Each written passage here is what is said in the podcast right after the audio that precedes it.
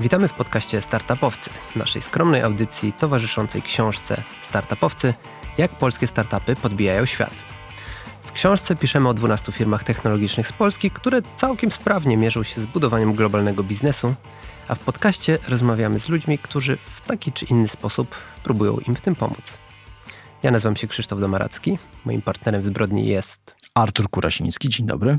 A naszym gościem jest Piotr Wilam, współtwórca funduszu inwestycyjnego Innovation Nest. Cześć i czołem. Piotrze, po pierwsze wielkie dzięki, że do nas dołączyłeś, że przyjechałeś z Krakowa, aby z nami porozmawiać. Z grodu Kraka. To ja bardzo dziękuję za zaproszenie. Bardzo mi miło być Nie, tutaj. to nam bardziej nie, jest nie, miło. Przyjemność wspaniałego, że możemy sobie porozmawiać. Przyjemność ewidentnie po naszej stronie, mm, ale chciałem zacząć od czegoś e, nieprzyjemnego. Piotrze, czy ty y, spisujesz y, swoje doświadczenia zawodowe w postaci książki i chcesz nam zrobić konkurencję, czy coś takiego się nie dzieje? Oj, jak ja bym chciał wam zrobić konkurencję i zacząć spisywać. Coś niecoś zacząłem spisywać. No właśnie, Mam na swoim blogu, dobre. ale niestety chyba do tego wrócę, jak e, no już tak przejdę na, e, jak to się nazywa? Na te Sportową takie... emeryturę? O, o właśnie. E, na coś takiego. Rzeczywiście, rzeczywiście to takie wracanie do tego, dlaczego człowiek w danym okresie życia zachował się tak, a nie inaczej, inaczej, dlaczego poszedł w tą ścieżką, a nie inną. E, e, patrząc na to z perspektywy czasu, e, no to jest ciekawe zajęcie. To jest ciekawe zajęcie. Natomiast no, jak to się robi, jak się wspomina, to się nie działa, no, że trzeba zawsze wybierać. No ale też o tym jest życie, że ciągle trzeba wybierać. Zgadza się. Bardzo filozoficznie, Piotrze. To chyba nie przypadek. E, Patrząc na twój background. E, no wiecie co, no ja kiedyś zacząłem z pierwsze moje studia były mm, filozoficzne, studiowałem filozofię. E, potem miałem taką bardzo jasną e, e, dalszą ścieżkę przed sobą, czyli zacząłem studiować matematykę. Mm, moim promotorem na matematyce mojej pracy magisterskiej był Roger Penrose, że mogę się czymś takim pochwalić. Mm, czym się już nieraz chwaliłem, że przepraszam Ale to wszystkich, którzy, którzy, którzy, którzy, którzy już gdzieś mm, na to się natknęli. E, no ja chciałem się zajmować filozofią nauki. E, skąd my mamy wiedzę, dlaczego mamy wiedzę, dlaczego w coś należy wierzyć, a może mieć przekonanie, a może mieć pewność e, o tych czy innych faktach. Natomiast później wielkie zmiany w Polsce z jednej strony i rewolucja technologiczna e, na świecie, cyfryzacja, ta zmiana nadchodząca, która miała przynieść same dobre rzeczy, przyrzekam, tak, było to. W to wierzyliśmy. W to wierzyliśmy. E, spowodowała, że gdzieś, no właśnie, nastąpiło pewne rozdroże i wybrałem, i wybrałem coś innego. I teraz szokująca informacja dla niewtajemniczonych. Piotr jest współtwórcą Onnetu.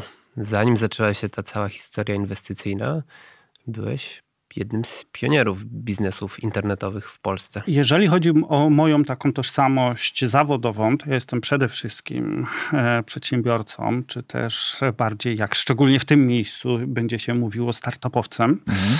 E, czyli to gdzieś określiło moje, e, moje życie, a nie inwestowanie. Inwestowanie przyszło później. To jest, że tak powiem, druga strona, raczej rewers e, tego, co, czego, co robiłem wcześniej, czyli bycia przedsiębiorcą.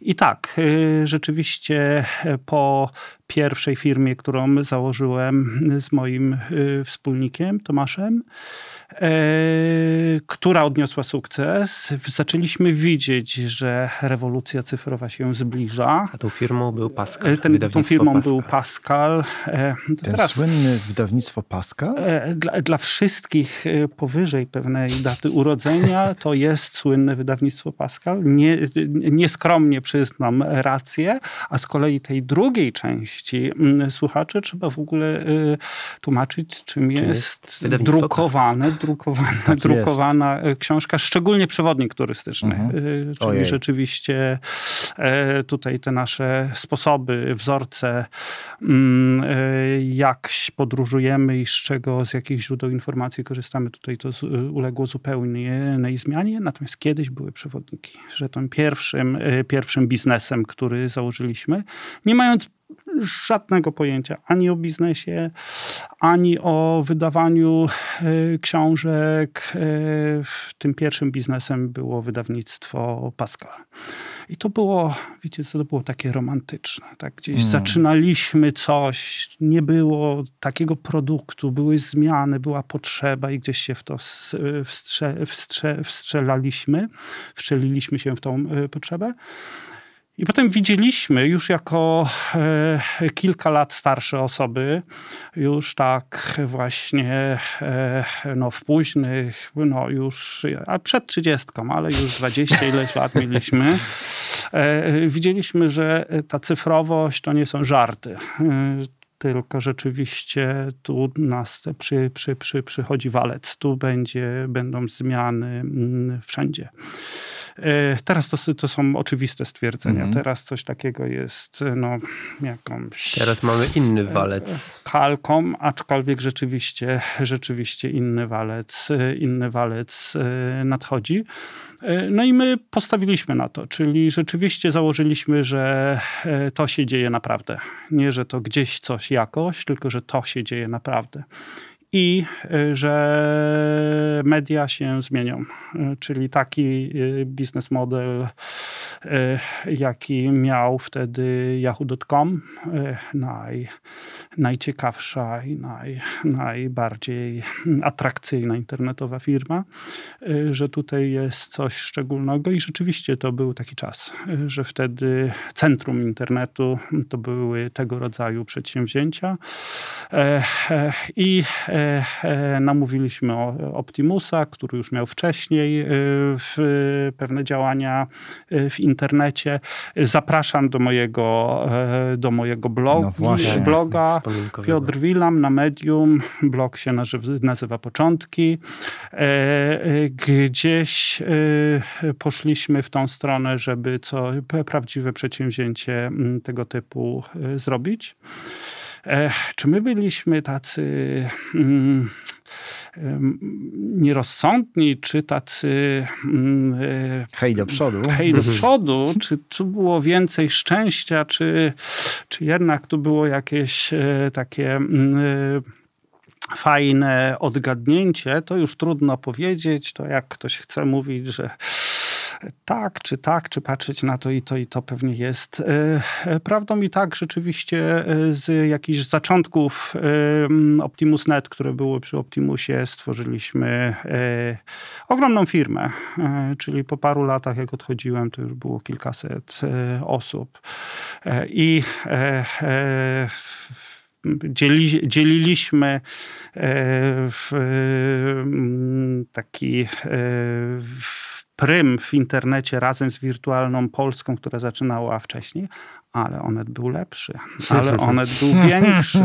Jaka co skromność nie, co nie, Ale no to są fakty tutaj. Ja, ja, ja tutaj w ogóle nie ten, ja tu w ogóle nie wchodzę, e, nie wchodzę tam.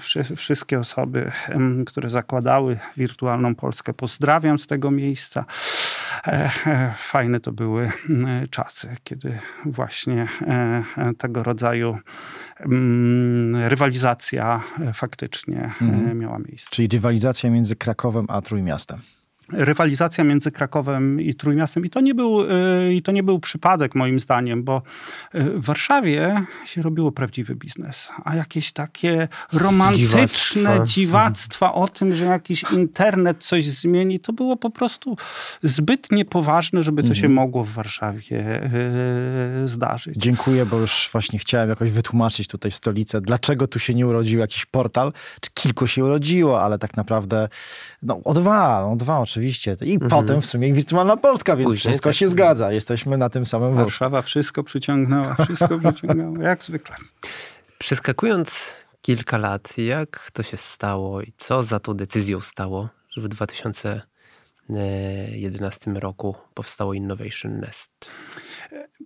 Ja po, po wyjściu sonetu e, e, byłem przez pewien czas e, za granicą. Byłem na London Business School, czyli ponownie studiowałem w Wielkiej Brytanii. Poznałem ekosystem startupowy w wielu miejscach i trochę powoli, ostrożnie zacząłem inwestować jako anioł biznesu, szybko doszedłem do tego, że ten ekosystem jest za szybko, jest za wcześnie, mhm. że on jeszcze nie jest dojrzały i że inwestowanie to nie jest samotna, to nie jest e, coś dla samotnego wilka. Tam muszą być inne osoby, z którymi się podobnie myśli, współinwestuje. Ja wtedy takich koinwestorów nie znalazłem e, i stwierdziłem, że rzeczywiście zaczął za mną chodzić pomysł, żeby stworzyć zespół czyli żeby stworzyć e, fundusz, który z jednej strony pomaga, z drugiej strony inwestuje. Mm, e, zawsze e, ten wczesny etap inwestowania, mm, czy wczesny etap wzrostu firm był najciekawszy, czyli to właśnie jak z tego niczego powstaje coś, czyli jak coś już zaczyna być duże i trzeba to skalować, optymalizować, to już, to już nie do końca są moje mhm. E, klimaty. E, e, nie mówię, że to, co się dzieje na początku jest ważniejsze. Nie, nie, absolutnie nie. Natomiast po prostu rzeczywiście te wcześnie, wczesne etapy są dla mnie ciekawsze, mimo że te późniejsze są mm, z punktu widzenia inwestycyjnego też mm, bardziej, mm, bardziej obiecujące, to jednak ten wczesny etap był taki, taki ciekawy. No i tak powstał, to była myśl, mm, y, która spowodowała, że Innovation Nest y, powstało. No i musiałeś jeszcze partnera w zbrodni znaleźć, czyli Marka tak, tak, tak, Tak, tak. tak, tak, tak, tak. Czyli, czyli y, gdzieś powstał pomysł i wtedy zacząłem tak patrzeć wokół, rozmawiać z różnymi osobami i Marek e, bardzo szybko w ten sposób, w ten pomysł e, wskoczył. Czyli było tak trochę, mm, bym powiedział, e, klasycznie. Gdzieś jest ktoś z jakimś pomysłem, zaczyna rozmawiać wokół, gdzieś ktoś inny i gdzieś to zaczyna rezonować, gdzieś coś e, zaczyna być e, wspólnie, trochę dłuższe te spotkania w tej czy innej kawiarni, trochę więcej rozmawiania o tych czy o innych e, szczegółach i w którymś momencie, o, tutaj w sumie można powiedzieć, że jest początek w teamu, potem potem to pytanie, to rzeczywiście rzucisz tamtą pracę i żeby się w to, no tak, tak, no to róbmy to. Przecież nie możemy się bawić bez przerwy, trzeba to zrobić porządnie, prawda? No i tak rzeczywiście e, było. Tutaj e, to, że mm, fundusze też są, też kiedyś powstają i za funduszami e, stoją te czy inne osoby i że one na początku też są startupami, które mają dokładnie te same pieniądze, czyli na czym polega ta wartość e, i e, gdzie mm, znaleźć inwestorów, e, prawda? No to są bardzo podobne, bardzo podobne zagadnienia, ale oczywiście no też są, też są różnice. Ten 2011 rok mnie ciekawi, bo gdy dzisiaj rozmawiamy z inwestorami venture capital, to wszyscy mówią, przeskanowaliśmy w zeszłym roku 5000 firm, z czego 500 się przyjrzeliśmy uważnie w tym 2011 roku ile firm się skanowało, ile startupów w ogóle było na naszym rynku, ilu warto było się przyglądać? My, my mieliśmy bardzo jasne założenie, że interesują nas e, cyfrowe e, startupy, e, które chcą wyjść poza rynek polski, czyli mają globalne ambicje, a najlepiej, żeby to było już coś więcej niż ambicje, ale raczej zwykle to były, mm, były ambicje. Czasami to był potencjał jedynie, mhm. czyli nawet tych ambicji e, nie było, tylko był ten potencjał. I to była taka bardzo duża mm, wyrazistość w naszym, e, w naszym e, podejściu. I też to się łączyło z tym, że stwierdziliśmy, że ekosystemem, z którego chcemy się uczyć, jest Krzemowa Dolina. E, I do tej Krzemowej Doliny bardzo dużo jeździliśmy. E, startupy, w które inwestowaliśmy, bardzo dużo jeździły. To były też inne czasy w Polsce, jeżeli chodzi o ekosystem, i inne czasy w Europie. E, czyli to, co się przez tych 12 lat stało, to jest ogromna zmiana. I to w ogóle jest też taki namacalny przykład, że całość przyszłość gospodarki, a już przede wszystkim technologii, to nie jest coś, co jest dane raz na zawsze w tej postaci, w jakiej jest. 10 lat temu to wyglądało zupełnie inaczej niż wygląda i za 10 lat też będzie inne. Jesteśmy w pewnym bardzo dynamicznym procesie, czego można nie widzieć, jeżeli się ma taką perspektywę dwa lata wstecz, a nie, a nie, a nie właśnie e, Natomiast to, że e, te, to się wszystko zmienia i gdzieś tutaj są różnego rodzaju e, możliwości, uskoki, braki, czegoś nie ma, coś może być, e, coś powinno być, no to właśnie na tym cała, e, cała e, no, cały, cały plus zbudowania startupów, całe możliwości powstawania mhm. tych różnych luk, gdzie startupy mogą zadziałać, powstawają. Właśnie. Odpowiadając mhm. bezpośrednio na to pytanie, startupów, które spełniały założenia takie, o których ja mówiłem, praktycznie w Polsce wtedy nie było. Nie było. było. już kilka firm, które, które też są e, w, w książce, cudownej, cudownej książce, e, ale one już były, one już były na torach, one już mhm. rzeczywiście działały i ogromny, mm, ogromny sus, e, sukces twórców, że, że, że tu wielkie gratulacje i podziw, że to się, że to się udało. Natomiast zasadniczo tego myślenia nie było. Mhm. Wyciągnęliśmy kilka cytatów Twoich e, z wywiadu, hmm. którego udzieliłeś nam na potrzeby e, książki, i jeden z nich brzmi następująco. Kiedy kilkanaście lat temu zakładaliśmy Innovation Nest, to był dla inwestorów główny problem ze startupami. Czy zespół zrobi to, co obiecuje? Dziś w dobrych firmach właściwie nie ma tego ryzyka, chyba że ktoś bierze się do bardzo skomplikowanych, deep techowych projektów. No widzisz, mimo że wszystko się zmienia, cały czas podpisuje się pod tym, co powiedziałem. Ale to ciekawe, właśnie dzisiaj rzeczywiście już ta jakość naszych deweloperów jest tak duża, czy ta umiejętność tworzenia produktów jest tak duża, że... Czy tu są, tu są, tu są, tu są dwie takie mhm. uwagi mhm. do tego. E, nie chodzi tylko o deweloperów, mhm. czyli całe budowanie produktu to jest coś znacznie mm, bardziej skomplikowana rzecz. Więcej. To jest, to jest no, przede wszystkim product design, ale też cały, cały, cały, całe stworzenie biznes modelu, sprzedaży, pewnych korzyści, pewnych e, atutów takiego, mhm. a nie innego podejścia do sprzedaży też oczywiście to może być e, w jakiejś unikalnej wartości e, tej czy innej firmy. To, co ja miałem na myśli mówiąc, no, już parę miesięcy temu, mhm. Y, to co powiedziałem, y, to, że mm, y, pewnego rodzaju technologie i pewnego rodzaju typ produktów został rzeczywiście opanowany. Czyli gdzieś to się, to się stało takim know-howem, który po prostu na rynku jest. I rzeczywiście pod tym względem podpisuję się pod tym, co powiedziałem. Natomiast zaczyna się ogromna technologiczna zmiana. Ja mówię y, zaczyna i specjalnie używam tego y, słowa. Ten kolejny walec idzie, czyli sztuczna inteligencja. Mhm. E, tutaj w tym momencie mówię coś takiego bardzo no, mainstreamowego. Wszyscy widzimy, co się dzieje. E, ale mamy taką dziwną sytuację. Z jednej strony mamy ewidentną bańkę, jeżeli chodzi o sztuczną inteligencję. E, z drugiej strony, że tych stron wymienię więcej niż mhm. dwie, tylko szereg.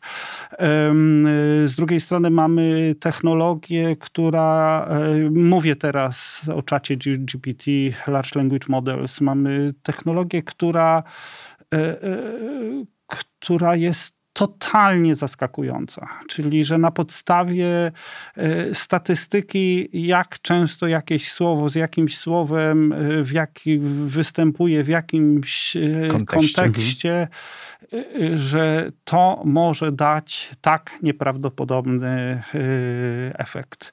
Gdyby, gdyby, gdybym mógł zrobić zakład 10 lat temu 1 do 1000, że coś takiego powstanie w sensie się, ja bym dawał złotówkę, abym mógł zyskać tysiąc, prawda? W życiu bym nie postawił tej złotówki ja na coś takiego. Absolutnie.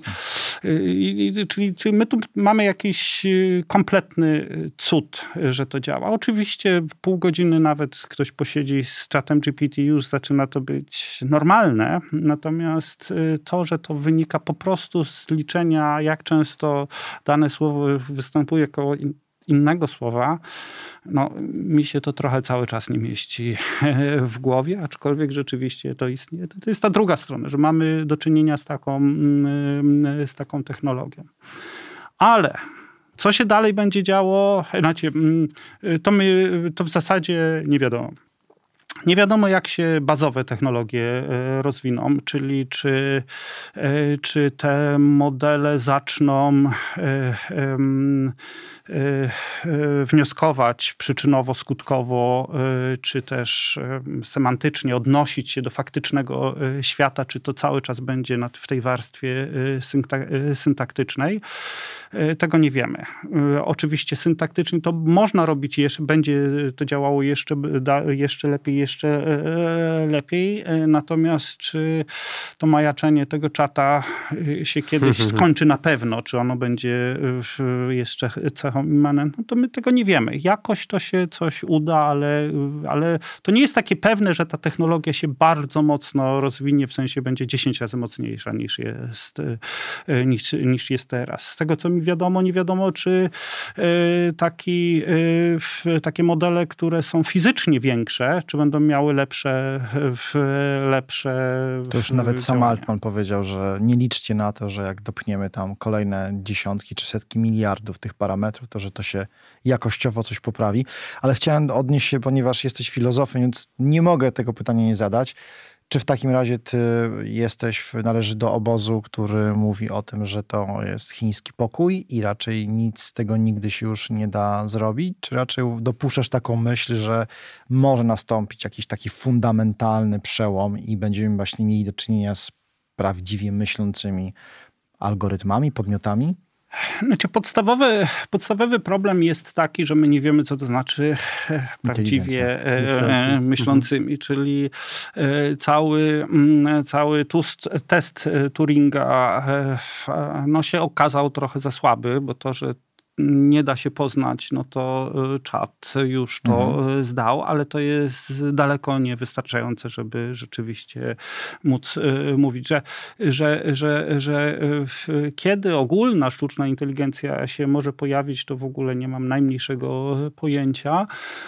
Natomiast raczej, raczej bym, raczej mam tendencję, tylko to jest chyba bardziej sprawa wartości i wiary, a nie sądów, że to następuje, nastąpi później niż wcześniej.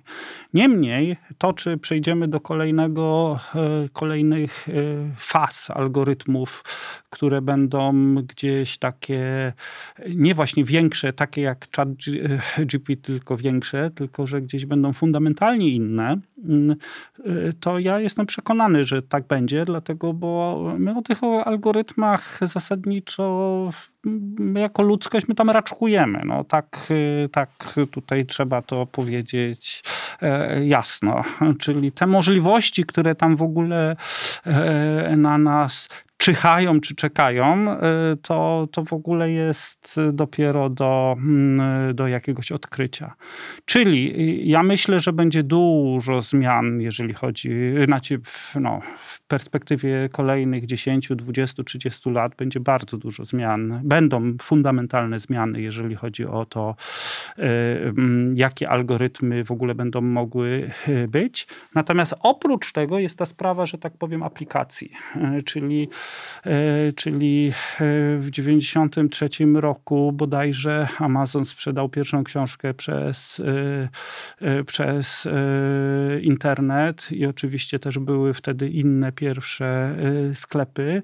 I zasadniczo idea e-commerce'u była już znana e-commerce, dzisiaj y, praktycznie jest tym samym. No, gdzieś coś trzeba wybrać tak? I gdzieś y, coś przy, przy, przyjedzie do, dostarczone przez kuriera. Jeszcze oczywiście zapłacić po drodze trzeba. Niemniej, no ten e-commerce jest miliardy razy większy niż był. I to jest z, racji samej e, ilości e, gdzieś e, ta jakość jest inna.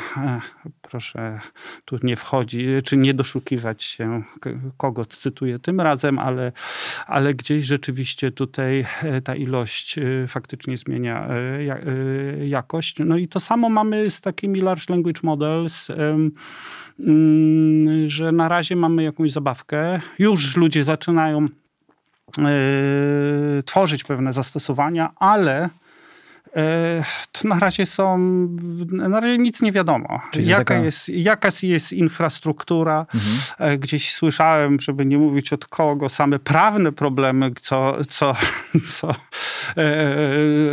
czy można z czegoś zrobić produkt, czy nie, dlatego, bo trenowanie tych algorytmów wymagało tych czy innych informacji, czy jest ryzyko procesu, czy nie.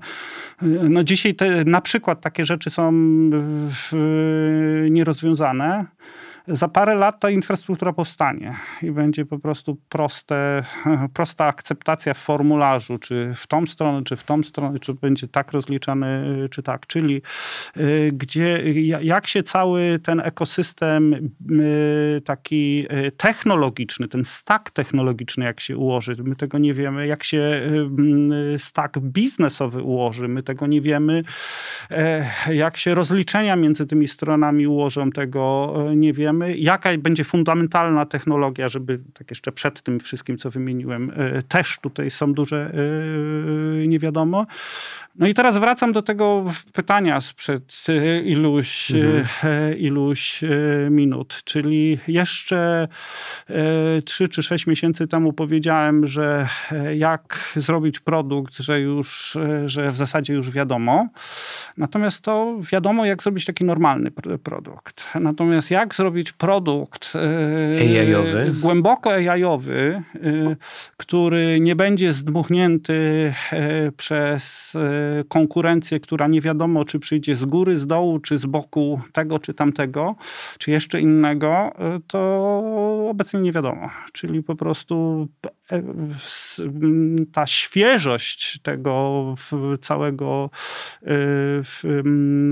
obszaru jest po prostu nieprawdopodobna, że dzisiaj w zasadzie jeżeli się jest inwestorem, to tylko można w ludzi inwestować. Czyli to, że się, no właśnie, no to, że się wymyśli, czyli normalnie inwestor, ja zawsze w to wierzę, e, e, że, że powinien no, elementarnie zdawać sobie sprawę z tego, elementarnie albo bardzo dobrze, z tego, co się będzie dalej działo w danym, co to w ogóle jest, w co się, mhm. w co się inwestuje. I inwestorzy bardzo dużo wiedzą. Rozmawiają z różnymi ludźmi, mają, znaczy nie, że każdy inwestor dużo wie, ale inwestorzy jako całość, jako całość ekosystemu e, bardzo dużo wiedzą. Oni rozmawiają i z tymi w, w, dużymi korporacjami, ze średnimi i z innymi przedsiębiorstwami, przedsięwzięciami, czyli znają y, ekosystem, że tak powiem, na wylot, jako całość, nie że mhm. poszczególny każdy y, inwestor. Natomiast inwestorzy są też w jakiś sposób y, znetworkowani, gdzieś też jest no, ten sposób,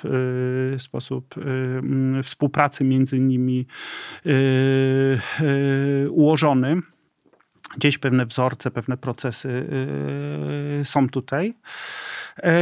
Niemniej E, jeżeli chodzi o inwestowanie w AI dzisiaj, to tylko można w ludzi mhm. inwestować. To jest moje zdanie. Właśnie, bo to też mnie ciekawiło, czy gdy ta cała AI-owa rewolucja się zaczęła wraz z pojawieniem się czata GPT, czy fundamentalnie zmienił się sposób funkcjonowania waszego funduszu? Sposób, w jaki e, typujecie przedsiębiorców, którzy będą tymi, którzy, którym rzeczywiście się uda zbudować coś dużego czy też musieliście wszystkie klocki na nowo poustawiać? My, my, my obecnie zrobiliśmy przerwę, jeżeli chodzi o inwestowanie, że my w tym momencie nie inwestujemy, bo rzeczywiście e, te zmiany na rynku są e, głębokie. E, natomiast e, w, przed tą przerwą rzeczywiście zaczęliśmy widzieć, jak te reguły gry się e, zmieniają. To w sumie jest taka ilustracja tego, o czym mówiłem wcześniej, że to jest bardzo elastyczny, zmieniający rozwijający się, dynamiczny ekosystem. Mówię o innowacji cyfrowej e, globalnej, bo innowacja cyfrowa nie jest lokalna, jest globalna. E, z jasnymi też centrami, czy nam się to podoba, czy nie, no to po prostu, po prostu tak jest, że tutaj te inne reguły gry są. Na to oczywiście jeszcze też wchodzą cykle ekonomiczne, które są E, też, e, też e, oczywiście istotne. Mm, mm, jak jeszcze kiedyś się słuchało radia, tak. Czego? Normalnie, moja żona zawsze miała wielki, mm, wielki, wielki ubaw z takich sprawozdań giełdowych, gdzie kluczowym pojęciem był nastrój inwestorów. Aha. Prawda, czy jest dobry, czy nie. No i rzeczywiście te nastroje inwestorów też tutaj mocno wpływają na, na pewne cykle ekonomiczne, czy też cykle ekonomiczne wpływają na nastroje. No ja jestem szalenie ciekawy, co by się działo na rynku, gdyby ta cała rewolucja AI-owa zaczęła się w 2021 roku. Na co by szły pieniądze? Znaczy wiadomo, na co by szły pieniądze, ale to mogłoby być dosyć absurdalne, patrząc na to, jakie kwoty lądowałyby w AI-owych projektach. No tak, tak, tak.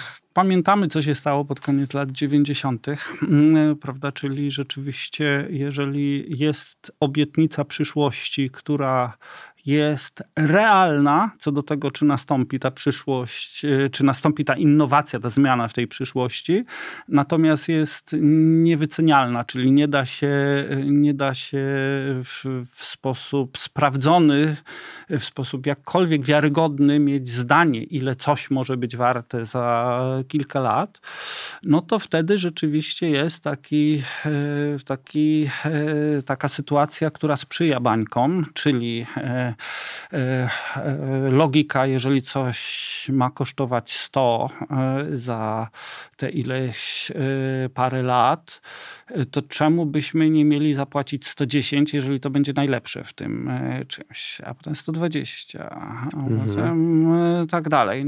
I, I, rzeczywiście te mechanizmy, no byliśmy, to widać było, prawda, końcu w lat 90. No ja myślę, że to samo mogło się stać, e, jeżeli chodzi o AI. A potem byśmy spadli z jeszcze większego konia niż tak, obecnie. Tak. To ja mam pytanie, ponieważ jak już mówimy o tym, co było w 2021 roku, no to rozumiem, że w kontrze do tego, że się wiele zmieniło i tak naprawdę sytuacja na rynku wygląda zupełnie inaczej. Czy wy jako fundusz widzicie faktycznie że to jest taka zmiana niesamowita, która nie, wystąpi, nie wystąpiła do tej pory, czy to raczej ukrasujecie jako korektę delikatną, która tam trochę ten rynek przeorze? Y, y, rynek ma różne części, różne obszary, różne segmenty, różne zakamarki i teraz zmiana sytuacji y, i sytuacja też się zmienia bez przerwy, czyli to są takie tutaj, żeby tak naświetlić sytuację, że tu trudno powiedzieć tak jednym słowem odpowiedzieć na to, na to pytanie, dlatego, bo odpowiedź jest dość zniuansowana i teraz to, żeby, że Najlepsze projekty kiedyś y, zbierały y, pieniądze łatwo, szybko, w dużych pieniądzach, y, przy dużych waluacjach, duże, duże rundy. Teraz może, te, może troszkę są niższe te parametry, ale cały czas to się dzieje. To, że prawie najlepsze startupy, i teraz co to znaczy najlepsze? Te, które wyglądają najlepiej co niekoniecznie tak jest, czyli niekoniecznie one faktycznie będą najlepsze.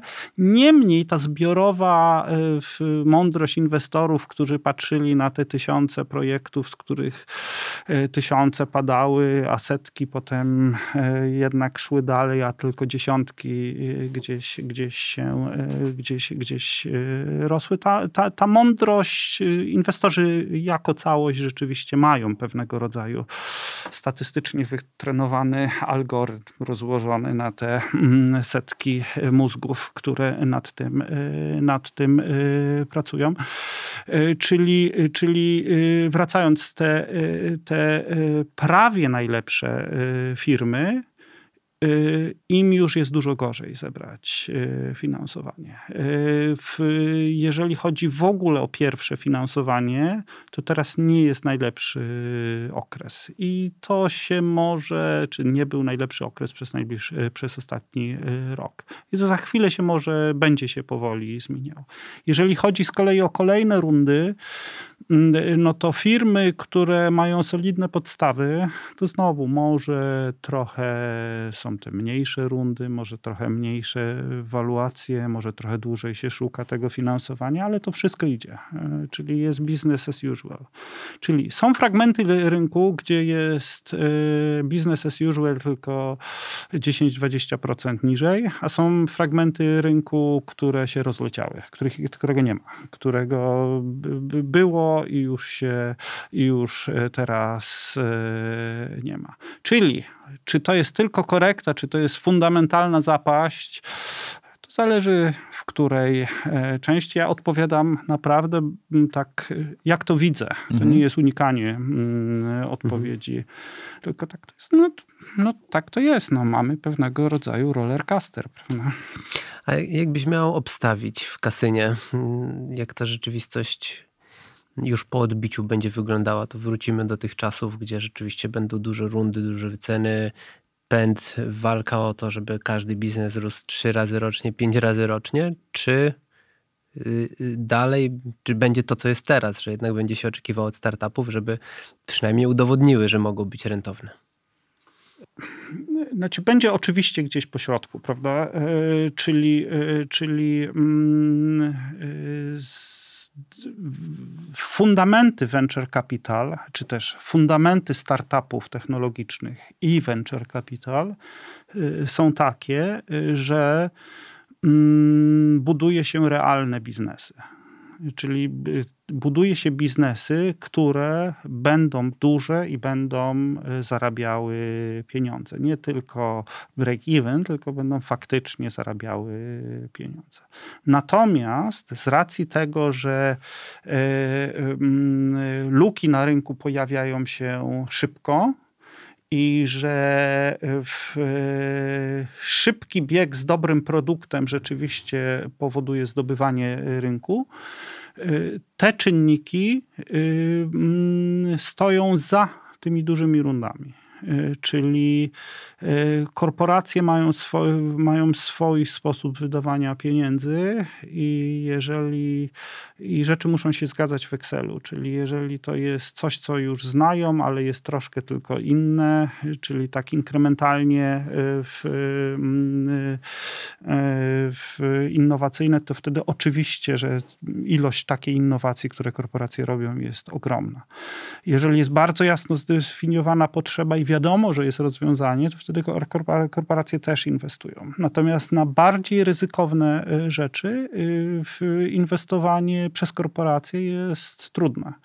No bo jeżeli korporacja by miała wydać y, te pieniądze na pięć projektów i z każdego z nich nic by nie było, to jednak ten zarząd by miał problem. Mm, Trudno co, by to było później wytłumaczyć. A jeżeli venture capital ma takich pól pieniędzy na 20 projektów, to wystarczy, że ten jeden czy dwa, yy, znaczy, że jeden bardzo dobrze wyjdzie, a kilka wyjdzie, yy, prawda? I już jest, już jest super.